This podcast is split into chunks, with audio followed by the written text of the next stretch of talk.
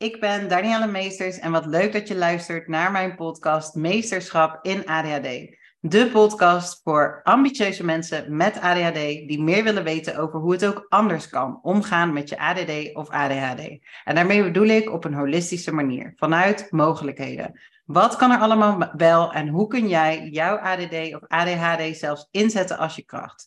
Superleuk dat je weer luistert. Vandaag ga ik in gesprek met niemand minder dan Margot Matsen, de oprichter van ADD Coaching. Margot die heeft lang voor de klas gestaan en is sinds 2010 ADD-coach en trainer. Ja. En dus oprichter van de uh, eh, addcoaching.nl, waar ik onder andere ook op de website sta en waar verschillende uh, mooie trainingen ook op staan. Um, en we gaan het vandaag hebben over ADD in je relatie. Welkom Margot. Hey, Danielle, wat leuk dit. Ja, leuk dat je er bent. Um, ik begin eigenlijk sinds kort met de vraag: hoe is ADD jouw kracht? Hoe is ADD jouw kracht? Ja, als ik dan kijk naar um, waar we de tweedaagse training altijd mee beginnen, zijn de plussen en de minnen van ADD. En dan staat bij de plussen natuurlijk altijd humor, creativiteit, out of the box denken, Um, ook doorzettingsvermogen vaak. Dan denk ik, ja, ik herken mij daar eigenlijk allemaal in. Dus mijn kracht is wel met ADD dat je ook altijd weer oplossingen bedenkt. Dat je um, ja, die stille kracht van binnenuit, zeg maar, is het, dat vind ik wel toch dat het is. En, daarbij komt dat creatieve stukje toch altijd wel heel erg om de hoek kijken. Maar ook wel het onverwachte. Het is ook onverwachts. Dus als je um, in bepaalde situaties kan ik iets roepen of eruit flappen dat bijvoorbeeld mijn vrienden zeggen van hoe kom je daar nou zo snel bij? Weet je, dan liggen ze helemaal in een deuk. En denk ik, ja, ja, soms ben je gewoon ook heel adrem en uh, zie je plotseling ergens de humor van in of verbind je twee dingen aan elkaar. Um, en daar kan ik eigenlijk zelf ook heel erg van genieten, van dat, dat creatieve stuk. Ook als ik alleen in de natuur loop, weet je, dat je bij een strohalm al bedenkt van, goh, wat, daar zou je ook dat en dat mee kunnen doen. Of ja, waar, waarvan ik nu weet, ga ik niet doen, want ik heb nog andere dingen te doen. Maar uh, dat dromerige als kind zijnde ook langs de waterkant bloemetjes plukken en dat creatieve hoofd. Ja, ik, eigenlijk vind ik het gewoon een superkracht, want dat is ook heerlijk. Ja. Om nog een, ja, wat dan ook boven komt. Eén keer had een deelnemer opgeschreven, ik ben, me in ik ben mijn innerlijke kind niet kwijtgeraakt. En dat raakte mij enorm. En toen dacht ik, oh ja, dat, ik heb ook heel lang geroepen, ik wil niet volwassen worden. Dus ik denk dat het speelse en het creatieve en die droomwereld, dat dat bij kinderen, dat is trouwens ook bewezen, hè? bij kinderen is dat heel erg aanwezig. Ja. Op het moment dat ze naar de basisschool gaan, dan verdwijnt er iets van 70% van die creativiteit. Wordt gewoon uit je kinderen een soort van. Uh, omdat het alles moet. En ja. ik denk dat wat de kracht is van ADD, als ik voor mezelf mag spreken, dat ik nog steeds als dat kind kan leven voordat, ze, voordat hij naar die, die basisschool ging. Weet je, dat je gewoon nog kan verdwijnen in die wereld. Ja. Hoe heerlijk is dat? Ja. nou, ik weet niet of ik nu je vraag beantwoord heb. Ik heb heel veel dingen genoemd. Nee, heel mooi. En het roept bij mij ook wel weer dingen op. Dus uh, ja, mooi. Dankjewel. hey, en um, zijn er dan dingen in een relatie hiervan? Ik denk het er zelf eigenlijk wel, maar die juist ook een kracht zijn in een relatie met de ander. Dus die in een relatie ook daarin um, extra krachtig zijn of maken dat, ja, dat je die kracht ook in een relatie brengt, zeg maar. Ja, dat, dat is inderdaad een hele goede vraag, maar ook wel een hele ingewikkelde vraag, omdat iedereen is natuurlijk ook weer uniek met je ADD, ADHD. Ja. Als ik naar mezelf kijk, wat mijn kracht is in de relatie die ik heb met mijn partner, waar ik al in oktober 34 jaar mee samen ben, met ook wel de nodige ups en downs, zoals in iedere relatie. Um, schoot me eigenlijk nu je vroeg ook te binnen dat mijn empathische vermogen, dus mijn inlevingsvermogen en het uh, verder invoelen en ervaren en over nadenken dan het gedrag wat je op dat moment ziet van je partner. Dus dat ik het in een context kan plaatsen, ook van waar hij vandaan komt, basisgezin, uh, dat ik begrijp waarom hij reageert zoals hij reageert. Ook al ben ik het er niet mee eens, dan zou ik het anders willen. En dat zeg ik dan ook en dat probeer ik ook wel dan uit te leggen. Maar ik denk dat, dat gevoelige, de gevoelige kant van ADD ook maakt dat je uh, empathisch kan zijn en kan invoelen bij die ander, kan inchecken bij die ander. En dat is natuurlijk eigenlijk in een relatie een hele mooie eigenschap. Ja. Totdat je gaat dragen voor die ander, maar... Ja, precies. Ja. Maar alle kwaliteiten hebben valkuilen. Ja, ja, ja, precies. Ja. Niet in kosten gaan van jezelf, maar inderdaad, ik zie dat ook wel in onze relatie als een, als een kracht. Ja. Um, en spontaniteit komt ook wel eenmaal op. Absoluut, ja. Dus ik denk als, we, als ik kijk naar hoe ik gestart ben met mijn partner, ik was 18, hij 19, dus heel jong. Ja, jullie zijn echt al lang samen. Wij, zijn echt, wij zijn al dinosaurussen in. Wauw.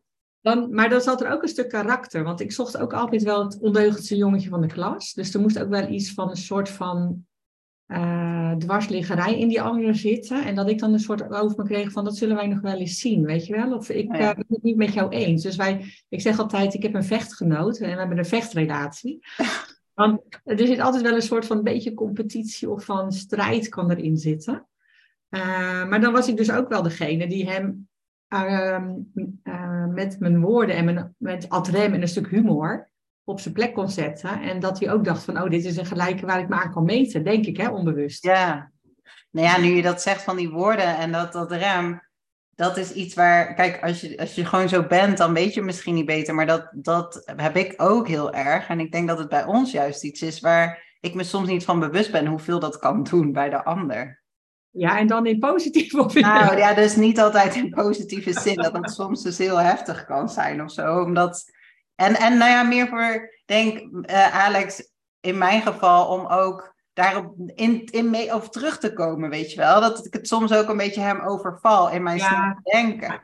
En dat hij echt zoiets, oh, wacht even, maar ik ben nog niet zo ver. Ik weet even niet wat, wat ik hier, hoe ik hierop moet reageren. En dan gaat het mij ook niet snel genoeg of zo. En dan heb ik echt zoiets van, ja, uh, hallo. Ja, geef eens antwoord, geef eens antwoord. Ja. ja. ja. Ja. dat herken ik wel. En ik denk ook, uh, dat weet ik ook van vrienden die om ons heen staan en ons al langer kennen, dat die in het begin ook wel eens iets hadden van, hoe gaan jullie nou met elkaar om? Weet je wel? Dat het ook wel soms een beetje, het, kan zijn. Ja, of een ja, ja. Maar ja, we kunnen dat wel hebben van elkaar blijkbaar. En ja, ik denk dat humor, als we het over relaties hebben en uh, humor, dan denk ik dat blijft de smeerolie in je relatie. Als je de humor niet meer hebt, Weet je, als dat, als dat er niet is, ja. dan ga je denk ik allebei dood. Ja. Dus ja, dit is onze manier van omgaan. En, maar dat onverwachte en het niet kunnen bijbenen. En, niet en ook de felheid soms, of de directheid ervan. Dat kan voor je omgeving wel soms dat ze denken van nou, we gaan niet goed daar. Nee, precies. Hey, je hebt dus een uh, best wel nieuwe training, ADD in relatie. Waarom, waarom ben je die training, waarom heb je hem gemaakt?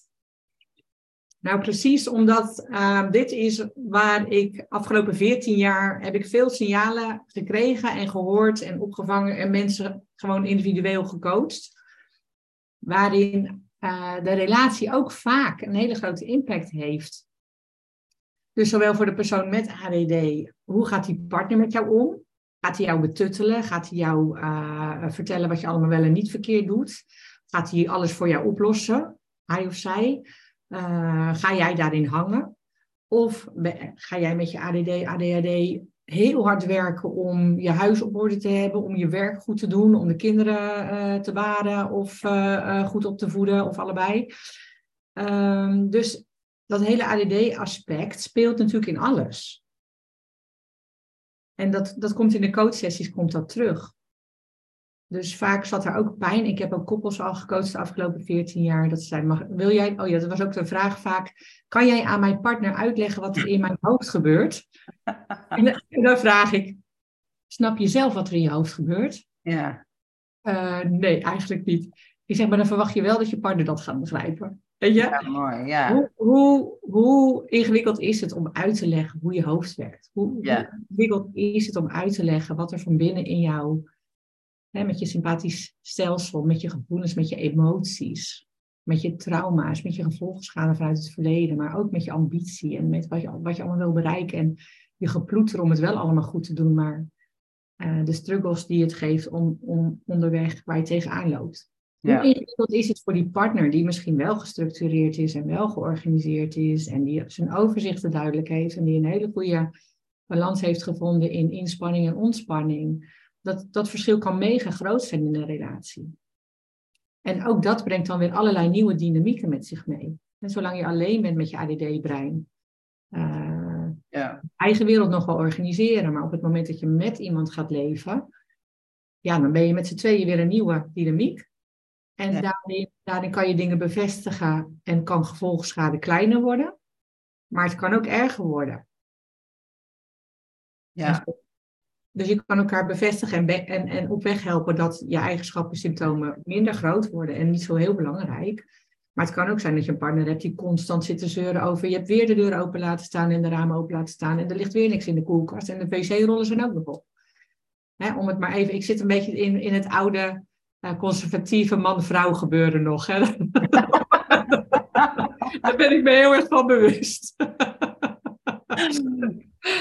ja, maar inderdaad. Um, nou ja, ik vind eigenlijk wel mooi dat je zegt van ja, begrijp jezelf hoe je hoofd werkt. En dat is wel in de essentie natuurlijk uiteindelijk zo belangrijk. Nou ja, er is zoveel dynamiek, eigenlijk zoveel invalshoeken, merk ik al meteen. Omdat uh, als het emmertje leeg is, qua uh, niet het emmertje van overvol hoofd, maar meer het emmertje leeg is dat je niks meer te geven hebt, omdat je zeg maar leeg bent gelopen, geen energie meer hebt, geen zelfvertrouwen meer voelt. En dan neigen om heel erg dat emmertje op te houden bij de ander, toch? Van hey, vul jij hem eens even bij mij. Je kan inderdaad in een relatie een beetje in zo'n dynamiek komen, of zodat je ook van je partner heel graag wil dat die juist bij je bevestigt, of dat die je heel erg helpt, of dat die, uh, als je niet lekker in je vel zit, er even. Ja, ja, en eh, dat is denk ik ook het hele mooie van het principe relatie. Ja. 1 en 1 is 3. En uh, het grappige is, ik, ik zag onlangs een filmpje van René Brown. En uh, ik zeg altijd, die gelijkwaardigheid is heel erg belangrijk in een relatie. 50-50, je moet allebei dragen, je moet allebei verantwoordelijk. En zij zit, zegt in het filmpje, het is nooit 50-50 in een relatie. Het is gewoon nooit 50-50. Want misschien is het voor jou nu 20% geven en voor die ander 80% halen. Maar volgende week is dat misschien helemaal andersom. Ja. Weet je, dus waar sta je met je persoonlijke ontwikkeling? Waar sta je in je leven? Ja nodig om inderdaad meer uh, de duw in de rug te krijgen, de bevestiging, de troost, een arm om je heen. Want je emmertje is helemaal leeg. Je hebt zoveel gegeven. Ja.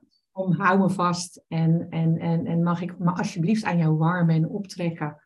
Zodat het emmertje weer vol kan lopen. En hoe lang dat dan duurt en hoe, hoeveel erin moet, ja, hè, voordat je weer kan gaan, is ook weer een beetje aftasten. Of zeg je, joh, mijn emmer stroomt over en ik ben er voor je. En ik ga jou door deze burn-out, uh, we komen er wel. En, uh, of uh, hè, er, is, er is iets in, in je leven wat heel heftig is, wat heel veel aandacht vraagt, maar ik ga dat gezin meer dragen nu, want jij hebt nu tijd nodig voor jezelf. Ja.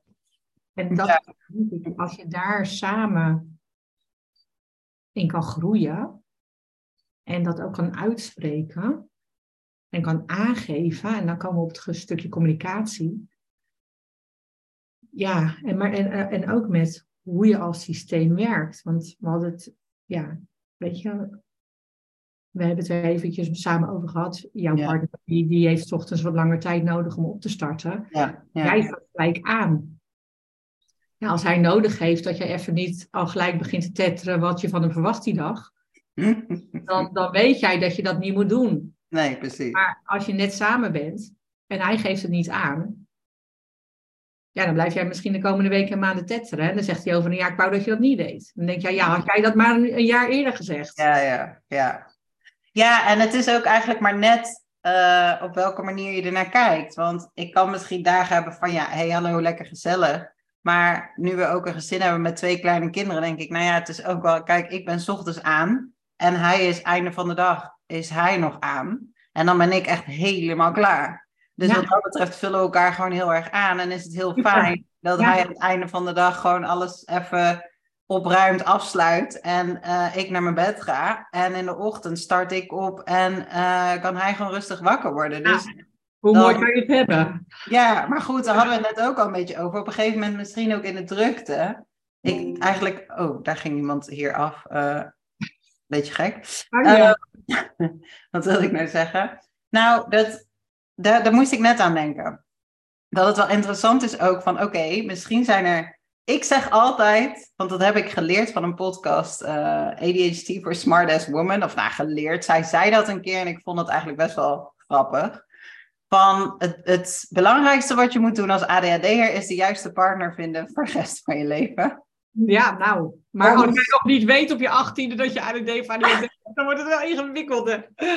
Nee, dat klopt. Ik heb ook pas op een latere leeftijd de diagnose gehad. Maar uh, nou, ik werk nu niet meer op kantoor. Of ik heb nu niet meer dagen dat ik heel hectisch in de ochtend weg moet. Maar dan heb ik wel een periode gehad. En ja, klinkt misschien, als we het dan even hebben over wat jij net zei. Um, de relatieverhoudingen. Wat is nou het woord wat je zei? De ouderwets. Dyna dynamiek? Nou, die ouder, het ouderwetse van in een relatie. Nou ja, oh, ja. kookt. Ja, ja, ja. Ik zit er een nog conservatief in, zei ik. Ja, ja precies dat. Nou, Lex die kookt meestal. En uh, die, zorgt, die zorgt dus echt dat er bakjes dan s ochtends klaarstaan. Hè? Het bakje voor Elias voor mee naar opa en oma. Het bakje voor mama voor de lunch. En die pakt dan alles in. En dan, ik rij dan weg. En dan soms denk ik, ik hoop dat ik alles heb. Want ik heb zelf dus helemaal niet eens gekeken of dat alles er is. Ik krijg alles mee. Ik voel me net een beetje een klein kind. En dan kom ik wel eens aan bij opa en oma, want die jongste gaat dan naar opa en oma. Ja, wat, heb je dit mee, heb je dat mee? Uh, ja, ik denk het wel. Alex heeft de tas ingepakt. Ja. Maar voor mij is dat als ik honderd dingen moet doen in de ochtend zo fijn dat ik dan gewoon, oké, okay, oh fijn, dat ik kan erop vertrouwen of zo. Of als ik dan weg moet naar iets, een dag uh, met de auto of weet ik veel, dan zet hij al dingen voor me klaar. Of dan vraagt hij, heb je dit voor jezelf gepakt? Of dan zorgt hij dat er een flesje water is gevuld wat dan in de deur van de auto zit. Weet je wel, dat soort dingen. Super lief, super lief. Ja. En daar bedank jij hem elke dag voor, hè? Ja. Nee, maar wel regelmatig. Dat is wel echt iets wat ik gewoon altijd merk. Maar in, in die hectiek, en misschien ook omdat we een jong gezin zijn met kleine kinderen. Hè, hij is s'avonds aan, ik ben s ochtends aan. Kan het echt wel soms zijn met dit soort dingen dat ik wegga en dat ik hem even dan pas aankijk als zeg maar na de hele ochtend hectiek van hey, goedemorgen en heel fijne dag op kantoor. Ja, nou, ik kan je geruststellen, als je 54 bent en je samen al 34 jaar onderweg bent, dan moet je ook nog steeds elkaar bewust aankijken, terwijl die kinderen het huis al uit zijn. Dus dat, dat blijft wel een onderwerp. Maar ik snap wel dat de hectiek ervoor zorgt dat je heel erg in een doestand staat. En ja. de organisatiestand. En dat valt weg als, uh, als die jongens ouder worden. Ja. Maar ook dan is het wel belangrijk dat we niet allebei op die bank kunnen zitten, helemaal verzand in ons eigen wereldje, maar ook die kop koffie even aangeven. En dan, ik hou die soms ook heel bewust vast, zo, voordat ik iets geef, dat hij me eerst aankijkt. Ja. Ik, Mooi. Ik hoorde in, in een onderzoek deze week dat we elkaar soms nog maar 10 seconden per dag aankijken. Oh. 10 seconden, dat is weinig. Ja. Terwijl we ook weten vanuit onderzoek, als je elkaar echt in de ogen aankijkt, dat je ook weer uh, de pretstofjes activeert. Ja. En rustiger wordt. Dus dan denk ja. ik, zijn soms van die eenvoudige dingen. Maar die in verbinding zijn en in de bubbel zitten voor ADD is natuurlijk ook een veelgehoorde klacht. Ja. Van cliënten. Dat partner zegt, jij bent niet aanwezig. Ik voel niet die verbinding. Jij zit weer in je dromerige wereld. Je, waar, waar zit je met je hoofd? En dan als het verwijtend wordt, eigenlijk zit er natuurlijk altijd een verlangen onder verwijt. Ja. Um, dan kan die ander in die bubbel heel erg het gevoel hebben van, oh ja, ik doe het niet goed en ik ben er niet en hoe dan wel. En uh, dan kan je heel klein worden. Ja. Of je krijgt een emotionele uitbarsting en dan ga je schreeuwen, want dan moet het er op die manier uit. Beetje afhankelijk van hoe jij uh, bedraad bent. Ja. Dat is verdrietig, want in principe zijn we natuurlijk, eh, tenminste, ik ga, ik ga een beetje aan de haal met jouw verhaal, maar wat ik hoor is, je wil eigenlijk wel in verbinding zijn en blijven. Nou ja, dat, ik denk wel dat het een. Uh, hebben we wel, en dan nemen we heel bewust andere momenten voor. Hè, dat we echt inplannen dat er gewoon echt momentjes ook met z'n tweeën zijn. En dat we dan uit eten gaan of gewoon met z'n tweeën zijn zonder de kids. Dus dan, als die momenten er even niet zijn, dan ja, dan. Ik weet niet, ik heb er ook wel reden mee. Als in, het is gewoon even ook de hectiek van ons leven. En we, maar we pakken het dus op andere momenten heel bewust op. Op maandag proberen we in ieder geval samen te lunchen en eventjes te wandelen of zo. Dus dat we dat op die manier wel doen. En dan weet je ook, dan bouw je rituelen in. En dat is natuurlijk ook super fijn. ik ga tegenwoordig, dan zeg ik een beetje gekscherend, het zijn omroep max stelletje zijn we. Want op woensdagochtend, dat is ontstaan sinds we hier wonen. En waarom? Ik weet het niet. Want we hadden het ook al de afgelopen tien jaar misschien in Linschoten kunnen doen. We wonen nu drie jaar in Woerden. En op woensdagavond is het, woensdagochtend is ontstaan dat we samen naar de markt gaan. Ja. En dan, dan zijn we om een uur of acht, half negen op de markt. En dan wil mijn man, Kuner, die wil dan een croissantje eten bij de telefoon. En dan hebben ze ook de beste koffie, zegt hij. En ik denk op een gegeven moment elke week, dat is saai. Weer die Delifrans. Kunnen we nu niet ergens anders gaan zitten, weet je wel? Dan word ik een beetje onrustig. Maar dat, dat zijn wel mooi. Dat je, en dan ga je het koesteren. Want dan denk je, oh, dit is eigenlijk wel kostbaar. En we hebben die ruimte nu. En het kan, want we hebben allebei onze eigen zaak. Dus ja. zou je gelijk om, om acht uur met je bedrijf beginnen op woensdag, terwijl je ook gewoon zo'n break in de week kan nemen. Ja, en rituelen en dat soort momenten. En dan proberen we die mobiele telefoon zoveel mogelijk weg te laten, tenzij je elkaar even iets leuks wil laten zien. Ja. Uh, maar dan echt ook wel er zijn. Ja, precies. Ja. En er kwam net een vraag in me op. Uh, wat zijn nou de meest voorkomende dingen die die je er dan tegen bent gekomen? Want dat is eigenlijk wel leuk. Ik zat net even kort die introfilmpjes te kijken van, uh, van de cursus. Maar je bent dus in gesprek gegaan ook met mensen ja. Uh, met ADHD in hun relatie. Ja. En wat zijn nou punten die het meest voorkomend zijn? Nou ja, wat je net zei, hè? kan je mijn partner uitleggen wat er in mijn hoofd gebeurt? Ja. Wat zijn nog meer dingen waar mensen dan regelmatig tegenaan lopen? Uh, nou, ook dat stuk van, uh, vooral bij ADD, van de persoon met ADD zit natuurlijk wel meer dan gemiddeld een beetje in zijn ADD-bubbel. Dus de plekken en in je, in je bubbel zitten en dan afwezig zijn. Dus dat gebrek aan verbinding ervaren. Dat is wel vaak een klacht van de partner zonder. Uh, gelijkwaardigheid heb ik het ook over in de training. En dat komt ook vaak naar voren, hè, waar we het net over hebben. Van, ehm, het kan zijn dat degene met ADD uh, heel hard gaat werken um, met, dat, met dat lastige brein, zeg maar, is het natuurlijk dubbel zo hard werken om de gewone huistuin en keukenzaak op orde te houden. Dus het kan zijn dat je daardoor heel erg in die actiestand gaat en de hele dag druk bent en s'avonds helemaal oververmoeid bent en ook niet meer aanspreekbaar bent voor je partner.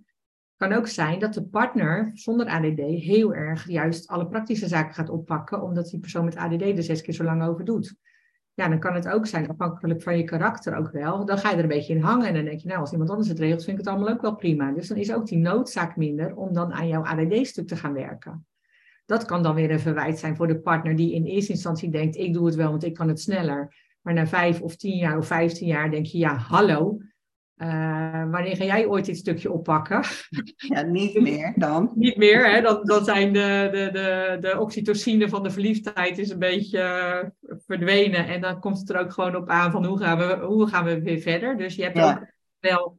Ik zie de ADD uh, in je relatietraining ook echt als APK'tjes voor je relatie. Ja. Echt stilstaat bij van hoe doen wij dit en waar hebben we behoefte aan. En hoe kunnen we met elkaar in contact zijn en communiceren hierover? En nou, communiceren, ik zeg wel eens, is een HBO-opleiding. Dus uh, in de communicatie gaat natuurlijk het meest allemaal mis. Uh, en ook in de verwachtingen. Verwachtingen die niet uitgesproken worden, maar die er wel zijn, maar die dan anders uitpakken. Um, ja, daar kan er heel veel frustratie uit tevoorschijn komen. Dus ook, ja, met dit is het zo belangrijk om dat ADD-stuk te erkennen. En dat de partner zonder ADD ook wel toch meer natuurlijk kennis en begrip krijgt van wat er bij die partner met ADD gebeurt. En dat je ook uitspreekt allebei waar je behoefte aan hebt of wat jou te veel is en wat je niet meer wil doen. Als ja, en dan moet je dat wel ook eerst zelf weten. Dus het is heel belangrijk dat je dan ook, ja, dat je jezelf ook goed kent daarin en durft eerlijk te zijn naar jezelf toe. Ik vond het eigenlijk wel mooi dat je zegt, achter elk verwijt zit een verlangen natuurlijk.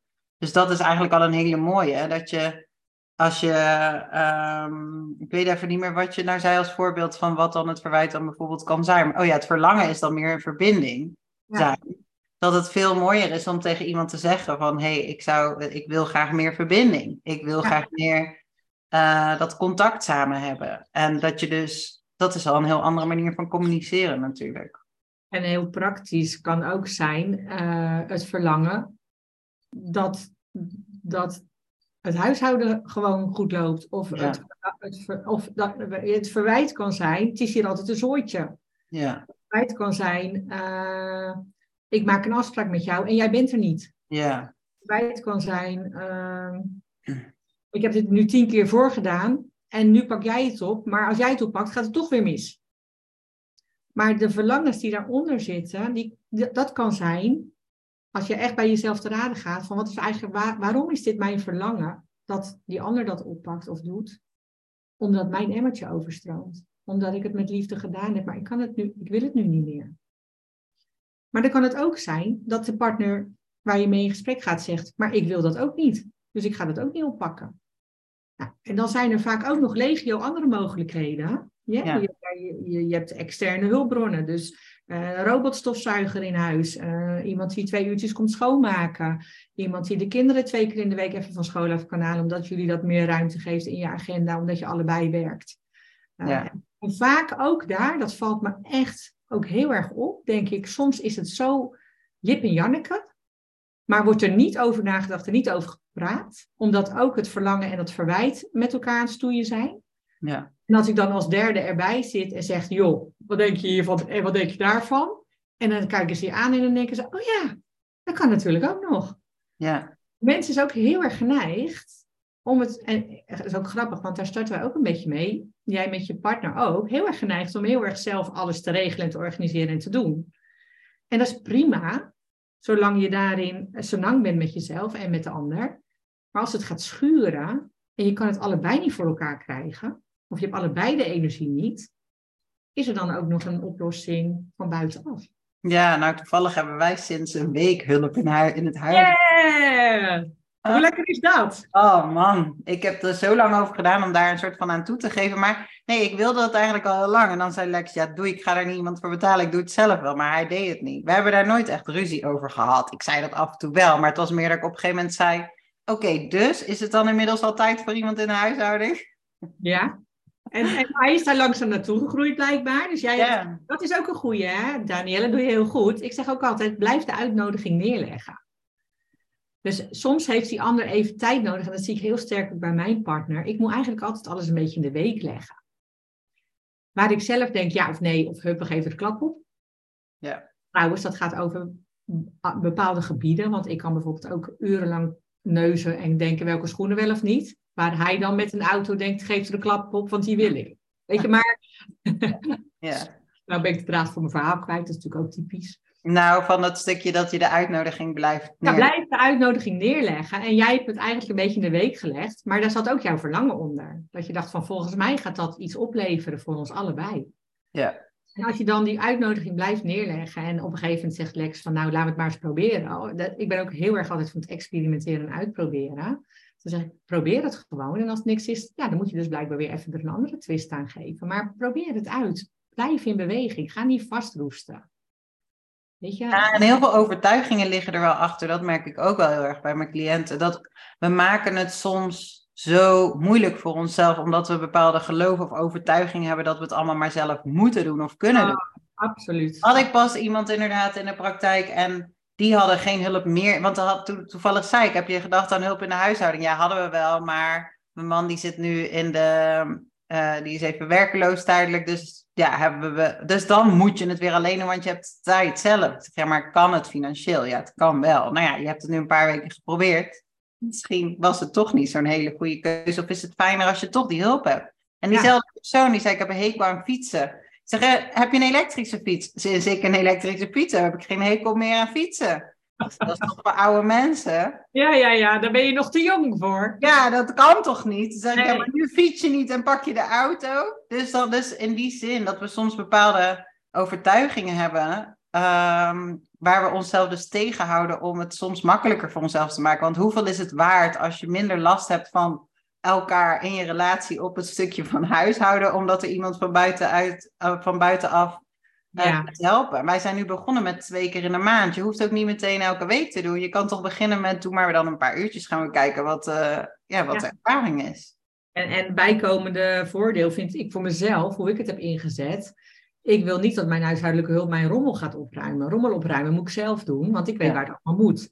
Dus je gaat je huis opruimen en dan kan zij schoonmaken. Dus dan kan ze overal bij. Dus, dus het is voor mij ook een, een sociale deadline om iets te doen, om mezelf in beweging te krijgen. En dat heb je als volwassene met ADD natuurlijk eigenlijk ook een beetje nodig. Dus het, het snijdt vaak aan meerdere kanten. Maar die overtuiging, ik moest even denken aan mijn overtuiging dat ik vanaf mijn veertigste al riep van, kan ik al overwinteren in Zuid-Europa? Ben ik daar al oud genoeg voor? ja, ik weet, uh, Charlie, mijn oudste, die, uh, jij bent natuurlijk ook een uh, Spanjeganger, maar ja, ja met, met, jouw kerel is het natuurlijk misschien ook weer een ander verhaal. Maar ik weet dat Charlie op een gegeven moment een tussenjaar had. Had hij opleiding afgerond. Ik ga een jaar door, door Zuid-Europa met auto en zo. En op een gegeven moment was hij ergens op een coworkersplek. En er zaten heel veel, nou, niet op de coworkersplek, maar wel in, die, in dat dorpje zaten heel veel oude mensen. En ze noemden dat de wachtkamer van God, dat dorp.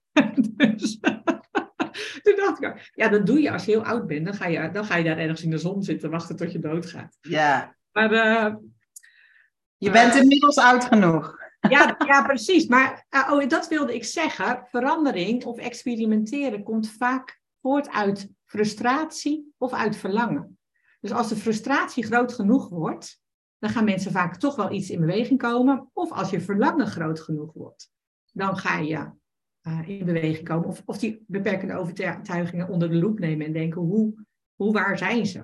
Ja. Bij mij was dat nou ja, dat is wel een beetje een heftig voorbeeld, maar mijn borstkanker heeft ervoor gezorgd dat ik nu al twee winters vier weken lang in Portugal heb gezeten. Ja. Omdat ik denk van ja, eh, ik ben nog niet oud, uh, in die zin dat ik nog geen 67 ben, maar ik ga wel. Ja. En hey, mijn partner vindt dat misschien niet leuk als ik vier weken pleiten ben, maar daar moeten we dan maar over na gaan denken. Uh, en heb ik ook weer in de week gelegd. En toen zei ik, zei eerst zes weken.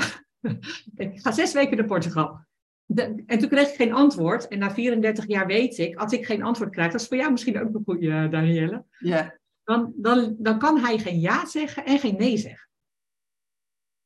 Dus hij wil geen nee zeggen voor mij, maar hij kan ook geen ja zeggen voor zichzelf. Ja, dat is heel herkenbaar.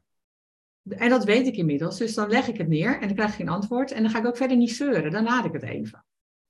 Maar goed, drie weken later zei die persoon in Portugal natuurlijk wel van ja, ik heb dit huis voor je vastgehouden. Wil je, en je moet wel een keer laten weten. Dus joh, ik moet het wel laten weten. Ja, zegt hij, zes weken is wel lang. Er zit al ruimte, hè? Hij zegt geen nee. Maar uh, ik zeg, maar wat is dan oké? Ik zeg, maar waarom vind je het lang? Ja, dan ga ik je missen. Nou, dat moet je natuurlijk altijd zeggen tegen je partner. Hè? dus wat, wat is dan wel oké? Ja, vier weken of zo. Ik denk, nou, dat vind ik prima voor de eerste keer vier weken. En ik zeg, ja, jij neemt nooit vrij, alleen maar twee weken in de zomervakantie en één week tussen kerst en oud en nieuw. Ik zeg, maar misschien kan je ook eens nadenken over twee weken, dat je twee weken meegaat. En, uh, nou, dat leek hem een goed plan. Dus de eerste keer ging hij mee. Nou, jongen, hij, het was echt een soort van openbaring voor hem ook, dat hij dacht van, goh, dat is lekker bijkomen. Want hij zit ook altijd maar met zijn eigen werk en zijn collega's en zijn werknemers en machines verkopen. En dat doet hij met liefde en daar krijgt hij heel veel energie van. Maar hij merkte nu op deze leeftijd dat zo'n break eigenlijk ook wel super lekker is. En dat hij daarna in januari weer met frisse moed uh, aan de slag ging. Dus je, ja, je kan ook invloed hebben op elkaar. En mijn beperkende overtuiging heeft hem misschien ook al tien jaar tegengehouden dat we daar al tien jaar eerder hadden moeten zitten. Ja.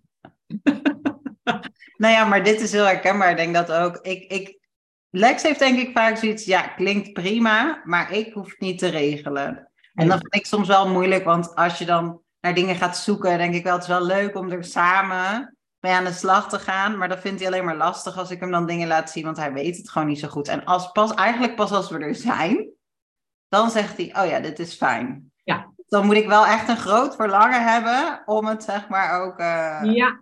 ja, omdat het helemaal bij jou vandaan moet komen. Dus jij bent initiatiefnemer. Ja. En dat is ook iets wat in een relatie ingewikkeld kan zijn. Want, want hoe heerlijk is het als je allebei af en toe dat stuur in handen neemt. Ja. Dus met vakanties is dat bij ons ook heel lang zo geweest dat ik dacht, ja, maar je springt maar continu bij mij op die bagagedrager. Ik moet het iedere keer maar mee bedenken. Ook met die drie kleine kinderen en die tent en Frankrijk en huis zoeken. En de financiën een beetje in de gaten houden, want het mocht dan allemaal weer niet te duur en niet te veel en niet te dit en niet te dat. Nou, ik vond het op een gegeven moment ook een crime.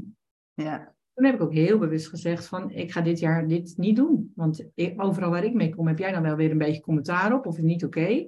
Nou, dan mag jij nu volgend jaar het regelen. En als je niks hebt geregeld, hebben we geen vakantie. bij sommige mensen en karakters in je relatie moet je ook even heel duidelijk zijn. Nou ja, en het is ook, het is een beetje ook op een gegeven moment aanvoelen, oké, en waar maken we een probleem? Dus ik denk ook een soort, waar, wanneer accepteer je het? Dus het ligt eraan in hoeverre het voor jou een probleem is. Hè? Dus ik denk dat ik tot een punt ben gekomen dat ik denk, ja klopt, ik wil heel graag een maand naar Spanje. Ik ben eigenlijk al lang blij dat hij geen nee zegt. Ja. En daarin weet ik dat het voor hem lastig is. Dus ja, ik accepteer dat. Ik vind het niet per se altijd even leuk. Maar ja, uh, hij vindt ook niet altijd alles even leuk wat ik doe. Dus het is ook, soms kunnen we ook ergens een probleem van maken. Het maakt het maar net waar. Hoe je er naar kijkt. Dus als, het, als de verstandhouding prima is, um, ja, hoef je niet overal natuurlijk een probleem te maken. bij mij was het dat ik dan ook wel een beetje klem kwam te zitten. Dat ik dacht van geef me dan carte blanche, weet je. Dan, Ja, nee, dat snap ik. Ik bedoel, dan uh, ook niet zeuren. Nee, precies. maar ja, en zo ben je samen onderweg. Ja. In de fase waarin jij nu zit en waarin ik nu zit.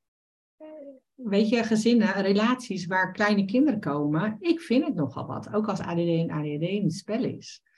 Want vaak zit er ook wel een stuiterballetje of een dromerig typeje nog bij die kinderen tussen. En dan krijg je met relaties ook wel dat er moet gekeken worden naar. Uh, er komt zoveel meer bij kijken op een gegeven moment. Je bordje wordt voller. Ja. En werk. En uh, je wil je eigen kwaliteit en talenten benutten. Maar je hebt ook de verantwoordelijkheid genomen om een, een of twee kindjes op de wereld te zetten.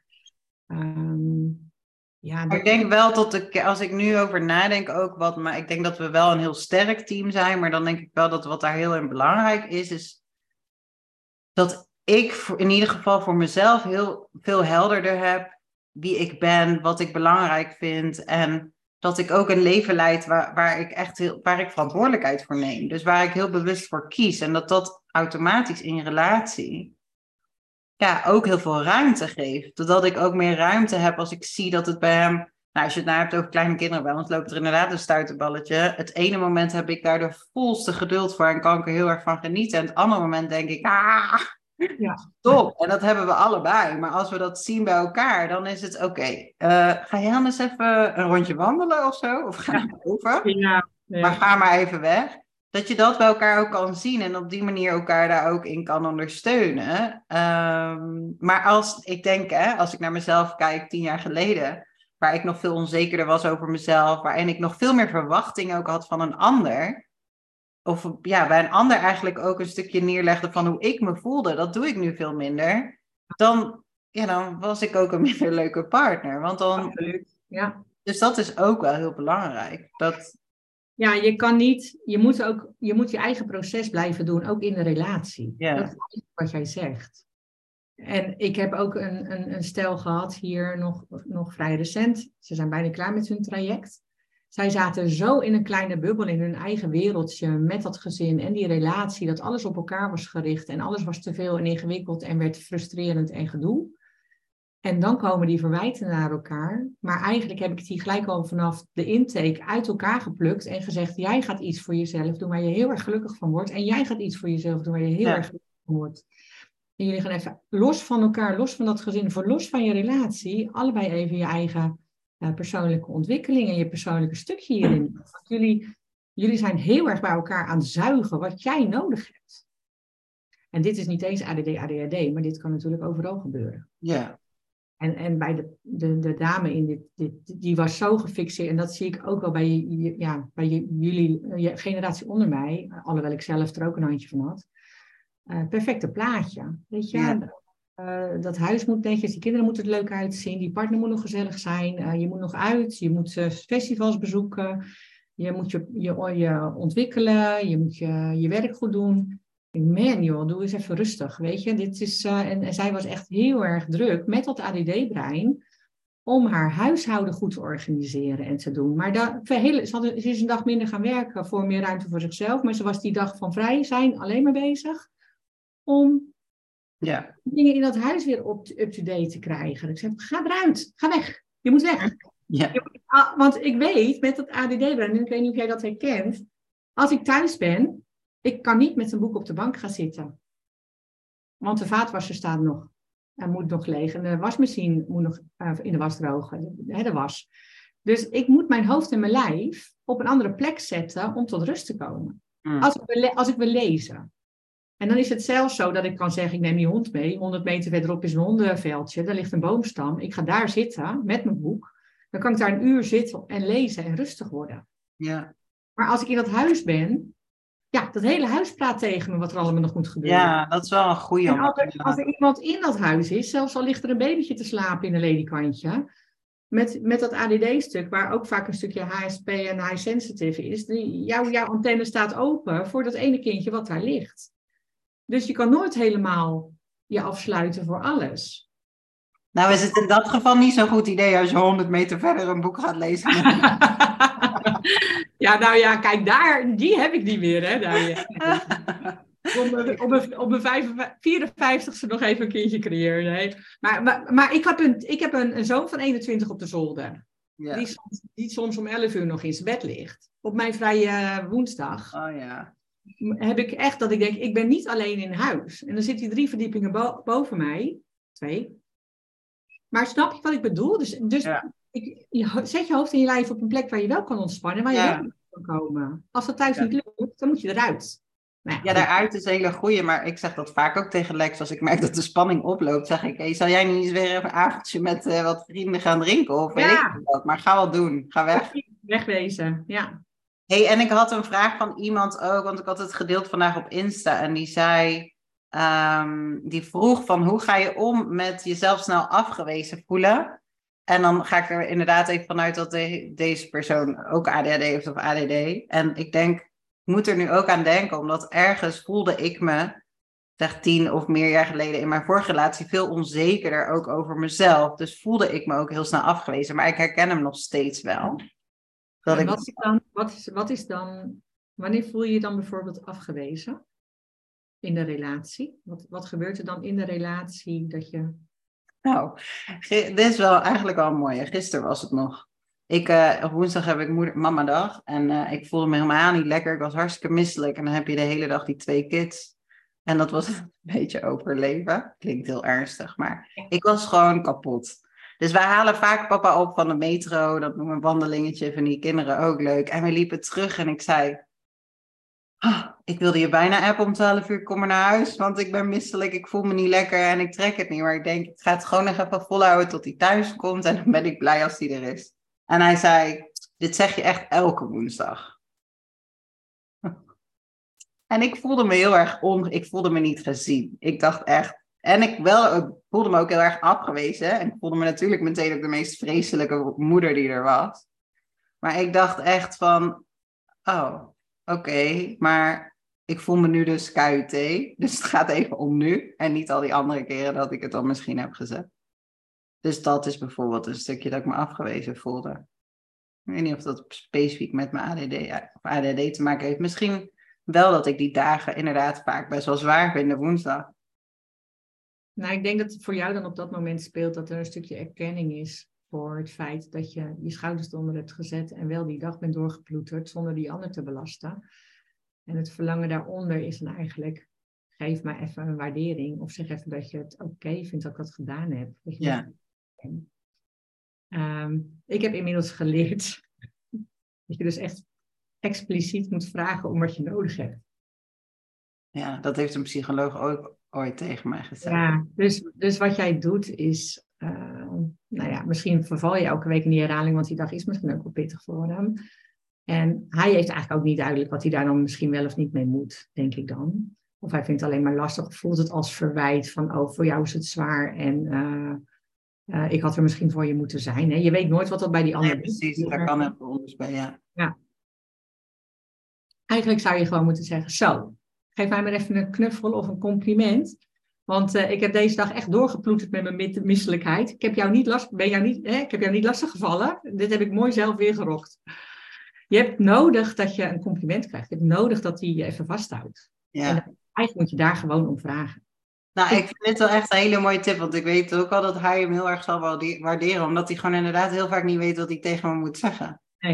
Dus, dus je uit iets en daar hoop je een reactie op, maar het is allemaal heel vaag. Voor, Ja. voor, die- voor die partner dan op dat moment. Ja. Ik weet nog dat, eh, en ik heb dat ook heel erg moeten leren hoor, want ik was zo'n typeje die heel erg vond dat, en dat is wat ik zelf dus doe, en dat, dat heb ik net als mijn kracht genoemd aan het begin van deze podcast, dat je aanvoelt wat die ander nodig heeft. Dus het eerste jaar van mijn huwelijk, ik was 20, mijn partner was 21. Als we dan bonje hadden, of ik lag te huilen in bed, of ik trok heel boos de voordeur achter me dicht, dan kwam ik terug en dan lag hij gewoon snurken. En de volgende dag was er niks aan de hand.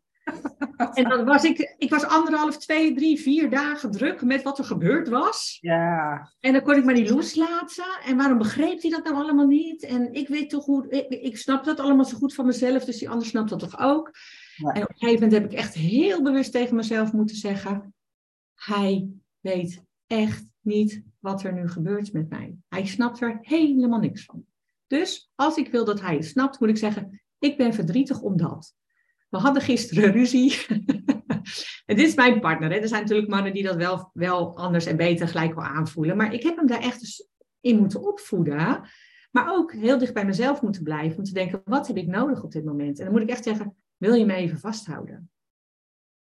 Ja. Ik ben, hou me even vast. Of je bent nu aan het praten, maar het boeit me helemaal niet wat jij zegt. Ik wil gewoon dat je me even vasthoudt. En nee, dit is niet de oplossing die jij nu roept. En daar vraag ik ook helemaal niet om. Luister maar gewoon even. Als ik mijn vrouw kwijt kan, is het ook goed. En dan denk ik, ja. oh, oh, oh. Weet je wel? Dus ja, mijn motto is ook, en dat weten al mijn coachklanten en deelnemers van de tweedags training, voed je omgeving op. Voed je omgeving op, want ze, ze weten het niet. Mooi. Ik denk ook, wel dat dit inderdaad iets is wat heel erg ook uit deze vraag wat ik me heel erg voor kan stellen, het, inderdaad het empathische gevoel, want dat herken ik ook heel erg. Dat je heel goed in kan leven naar ander, dat je het heel goed snapt. Ik heb dat niet altijd alleen in een relatie, in een liefde met een partnerrelatie, maar ook in vriendschappen. Dat ik heel vaak denk, ja, wanneer zijn mensen er nou eens voor mij als ik, als ik want nou, ik idee dat ik altijd voor de ander ben, maar niet dat mensen zien wanneer ik het extra nodig heb. En dat snapte ik nooit. Nee. En ik denk dat dat die vraag is inderdaad, van uh, hoe, hoe ga je daarmee om dat je dan afgewezen wordt? Ja, dat, je, je wordt niet afgewezen, nee. eigenlijk het verhaal. Alleen je krijgt niet wat je nodig hebt. Ja, precies. Dat is iets anders. En als je wel wil krijgen wat je nodig hebt, dan moet je dat zelf ook duidelijk aangeven. Maar dat betekent dus wat jij zegt ook, Daniella, dat je wel dat proces met jezelf aan moet gaan. Wat heb je dan nodig? Ja. hoe kwetsbaar ben ik als ik moet gaan uitleggen? Ik weet nog dat ik dat echt heel moeilijk vond. Dan moet ik dus nu letterlijk gaan vertellen hoe ik mij voel. Ja, nou dat. Als je het niet hebt meegekregen, dan voel je, het voelt alsof je in je blootje staat. Want dat is pas kwetsbaar zijn. Nou, en ik denk dat dus het is een, een stap uit je comfortzone zetten om echt daarin zelf ehm, ja, daarin je eigen behoeften te laten weten en die ruimte daarvoor te geven. En eigenlijk moet je ook zelf wel een klein beetje redelijk op je voeten staan om dat te kunnen en te durven. Dus je kan maar net uit je comfortzone, wat voor jou op dat moment wel haalbaar is. Je moet je veilig voelen. Ja, je moet wel die stretch, maar niet de stress, zeg maar. Ja, dus, precies, ja. Dus ergens heb ik toen wel bedacht van, ik voel me veilig genoeg om dit aan te kaarten. En die veiligheid was er in de relatie. En ik ben veel meer gaan uiten en veel meer gaan praten toen. En uh, mijn zus heeft wel eens gezegd, die heeft, uh, haar eerste huwelijk heeft 22 jaar geduurd. Maar die deed in principe dezelfde strategie als die ik deed in het begin. Gewoon niks zeggen, niks uiten. En maar hard werken om, uh, om dan hopelijk die relatie op orde te hebben. En die zei op een gegeven moment tegen mij van... maar dat ik zoveel had gepraat en gecommuniceerd als jij... dan was het bij ons misschien ook anders gelopen. Ja. Die heeft na 22 jaar, dus daar speelde veel meer hoor. Dus dat was uh, ja. niet het enige. Maar dat, dat vond ik wel een compliment. Dat ik dacht van, uh, zij, zij zag dat. dat ja. jij, jij, jij bent wel aan het werk om uh, in die communicatie dus ook heel veel te doen met je partner. En dat gaat, gaat niet vanzelf. Niks gaat vanzelf. Het kost altijd wel wat. Maar ben je bereid om dat ook te doen? En om dan ook dat met jezelf aan te gaan Ongeacht van wat het dan. Je weet niet wat die ander ermee gaat doen. Hè? Het kan ook zijn dat je parels voor de zwijnen gooit. En dan toch nog het gevoel, ik versta je die menaki, ik heb een kwetsbaar opgesteld en hij pakt het nog niet op. Of zij pakt het nog niet op. En maar dan nog, als je dan sterk genoeg bent dat je denkt, oké, dus moet ik nu even zelf mijn slingers op gaan hangen. En ga ik die vriendin bellen, want bij mijn partner kan ik het even niet halen. Ja. Dus een, een sociaal netwerk en iemand om je heen, waar, bij wie je dan wel even dat, die knuffel of die erkenning. Of, uh, want je moet ook niet alles bij je partner willen halen. Nee, nee, precies. Dus dat is eigenlijk ook wat ik bedoelde met dat emmertje wat we dan voor gaan houden. Maar dat, je moet niet alles bij je partner willen halen, want dan leg je ook veel te veel Ja, precies. druk. Ja. En eigenlijk, want ik had inderdaad ook nog de vraag staan van hoe kan je als partner rekening houden of met iemand met ADHD of ADD. Maar ik denk eigenlijk dat je daar net ook het antwoord al op hebt gegeven. Voed je om, wat zei nou? Voed je omgeving op? Nee, dat is niet wat Ja. je zegt. Wel, voed je omgeving. Maar het is, het is ook uitleggen. Ja, Ehm, wat, ik, wat ik vaak zeg tegen degene die geen ADD heeft, eh, check in. Eh, probeer het op een vriendelijke manier te doen. En ook als die persoon in zijn bubbel zit, leg even je hand op die knie. Weet je, raak aan. Eh, en spreek dan ook je verlangen uit van, joh, ik zie dat je in je bubbel zit. Heb je behoefte aan opladen? Zullen we samen rondje lopen? Hoef je niet te praten, maar zijn we wel even samen? Eh, visuele ondersteuning. Als je merkt dat je partner eh, eh, toch vaak dingen vergeet of niet goed doet. En jij bent wel goed in structureren en die familieagenda bijhouden. Gooi, gooi wat kleurdingen of leg dingen neer voor je partner met. ah, dit klinkt een beetje betuttelend, maar ehm, probeer samen uit te dokteren wat werkt. En, ehm, en als je merkt dat je, dat je van alles hebt bedacht en het is ingewikkeld, ja, kijk dan ook naar die externe factoren die misschien mee kunnen helpen. Maar accepteer ook dat je eigenlijk nooit helemaal precies gaat begrijpen hoe die ander in elkaar steekt en hoe dat brein werkt. ja.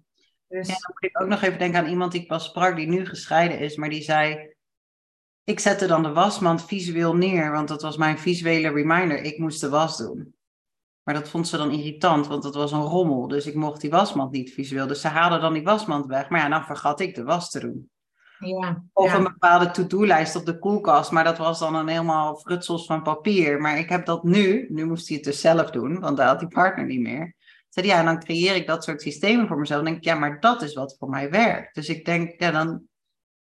Ja, ja, ik word daar verdrietig van ook. ja, ik ook. Ik dacht echt van, wauw, maar dat is dan, dat dat de reden is. Nou, dat zal niet de enige reden zijn. Nee, nee. Maar dat je ook mag respecteren dat de ander dat wel nodig heeft. Ja, kan je het er rommel vinden, maar als de ander daar dan goed op kan functioneren, dan ja. Nou, dat, dat is ook wel ingewikkeld. En zo heb je eigenlijk denk ik ook allemaal wel je struikelblokken en je, je eigen strategieën. Ehm, ja, er vliegt van alles door mijn hoofd. Ook voor mezelf. Dat ik denk, ik, mijn, mijn partner, toevallig vanochtend nog met een coachklant over gehad. Over de rommel die, van, van je gezinsleden of van je partner of van jezelf. Ik ben eigenlijk, omdat ik een druk hoofd had en, en ben opgegroeid in een gezin waar veel gewerkt werd. En mijn moeder met ADHD ook niet altijd even gestructureerd en georganiseerd. eh, de keukenkastjes en de, de make-up tafel en het huishouden bijhield. Ben ik eigenlijk er altijd heel erg gaan opruimerig.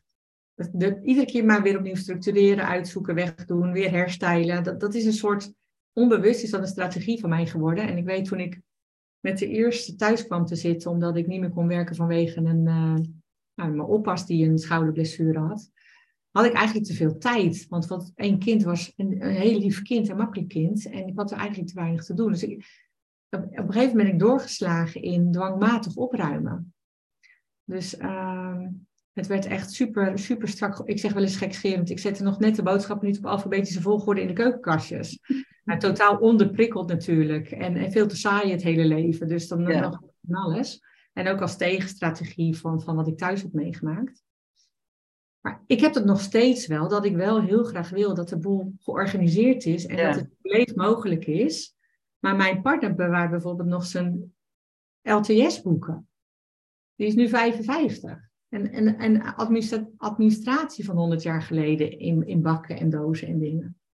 En ergens heb ik irritatie in mijn systeem, omdat ik denk, het neemt ruimte in beslag. Ik wil het weg, want je doet er niks mee, je gaat er ook niks mee doen.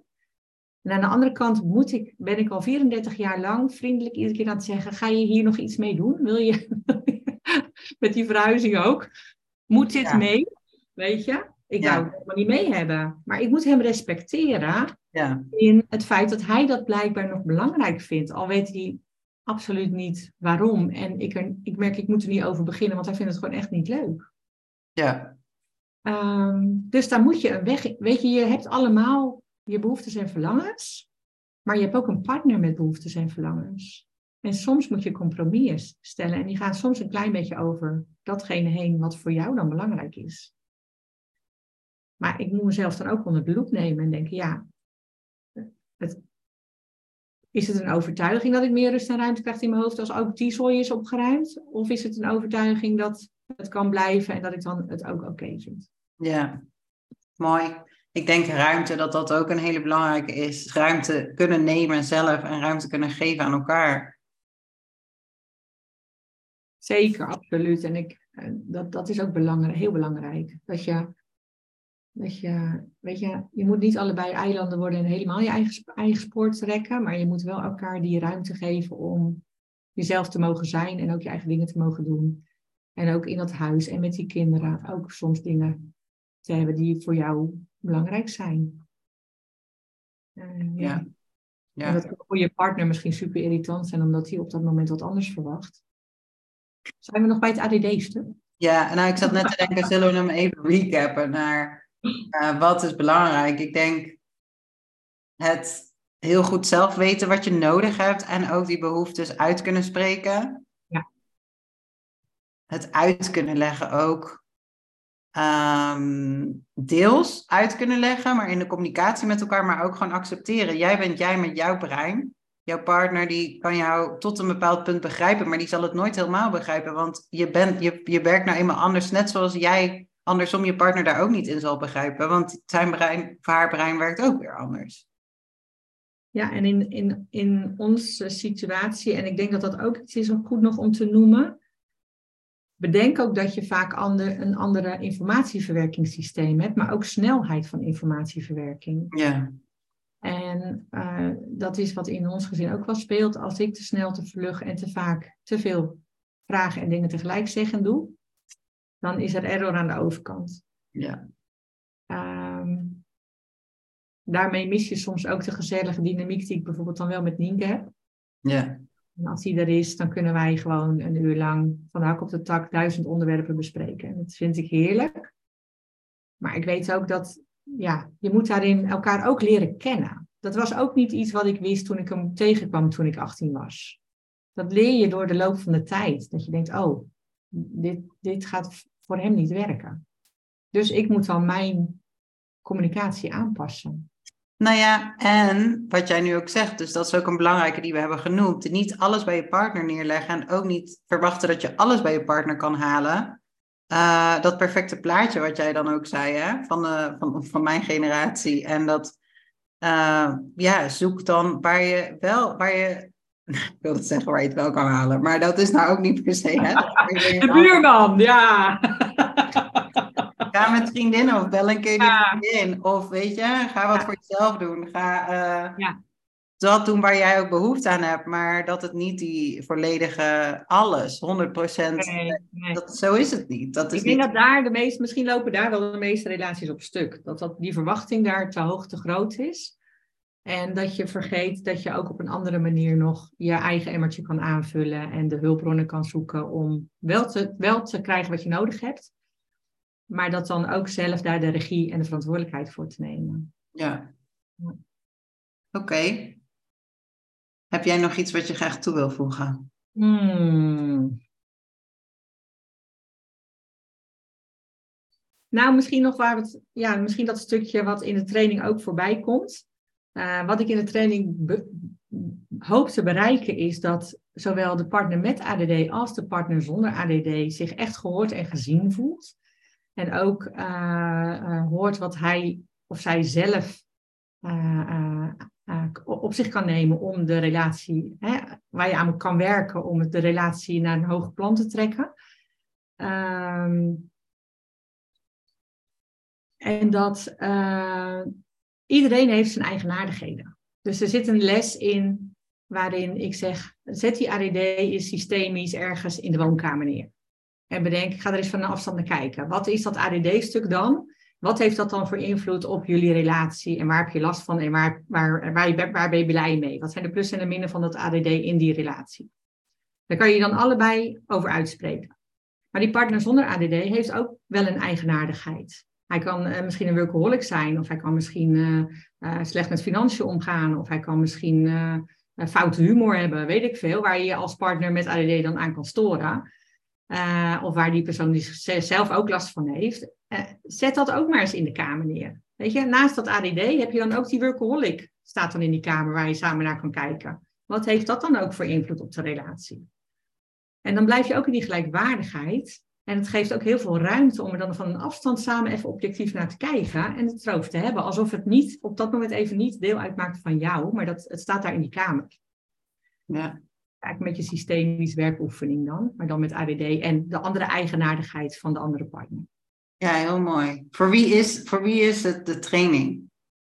Uh, voor iedereen die in een relatie is en zit, uh, ik, zeg in de eerste les ook, wat, wat ook gebeurt, het kan soms lastig zijn om je partner mee te krijgen naar relatietherapie. Hè? Ik heb een vriendin gehad, die ging alleen naar relatietherapie. Dus de partner wilde niet mee, dacht dan ga ik maar alleen. Um, Zijn ze nog samen? Nou, daar, oh, laat ik daar, nee, nee, nee, dat is niet gelukt. Um, dus samen is natuurlijk altijd beter.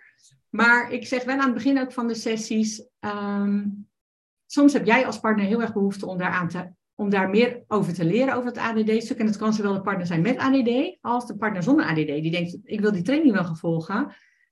Uh, maar ja, dat moet je samen doen. Maar dan zeg ik, je kan het ook alleen doen. Want met elke les die je hoort en, en, en informatie krijgt, kan jij ook weer zelf reflecteren en ook jouw stukje doen in de relatie. Het ideale plaatje is natuurlijk wel samen. Maar elke relatie waarin dit een rol speelt en, en misschien zelfs wel als het autisme is of high sensitive of want ik denk dat de principes eigenlijk voor alle relaties en waarin een label een rol speelt of waarin uh, een eigenaardigheid een rol speelt, uh, dat je heel veel uit kan halen, heel veel kan leren. Maar goed, het, ik heb natuurlijk wel heel vaak het woord ADD, ADHD in mijn, uh, in mijn vocabulaire. Ja. Nou ja, ik zat er een beetje doorheen te scrollen, maar um, ja, het ziet er wel heel erg uitnodigend uit. En mooi, heel persoonlijk. Ja. Want er zijn heel veel uh, stellen die je er ook voor hebt geïnterviewd, volgens mij. Ja. Ah, het is een verrijking geweest voor mezelf. Ik vind het onwijs leuk dat er zo diversiteit aan stellen op de bank zit, waarin uh, videofragmenten dan uh, interviewfragmenten voorbij komen bij de lessen. Ja. Um, en daarin hebben we ook een koppel waarin allebei ADD, twee personen met ADD. Um, nou, een, een, een, een, man met perfectionisme en partner met ADD. Oh, dus weet je, je ziet allerlei verschillende systemen. Uh, ja. Leuk. Oh, ja, het is gewoon superleuk. Nou, als je denkt, oh, die uh, training, dat lijkt me wel wat, dan moet je even een kijkje nemen op addcoaching.nl. En ik zal even de link uh, in de show notes zetten van de podcast ook. Sowieso is ADD-coaching een hele waardevolle pagina om eens op te kijken met ja, gewoon interessante informatie, blogs en uh, andere trainingen ook. En ook jullie tweedaagse training.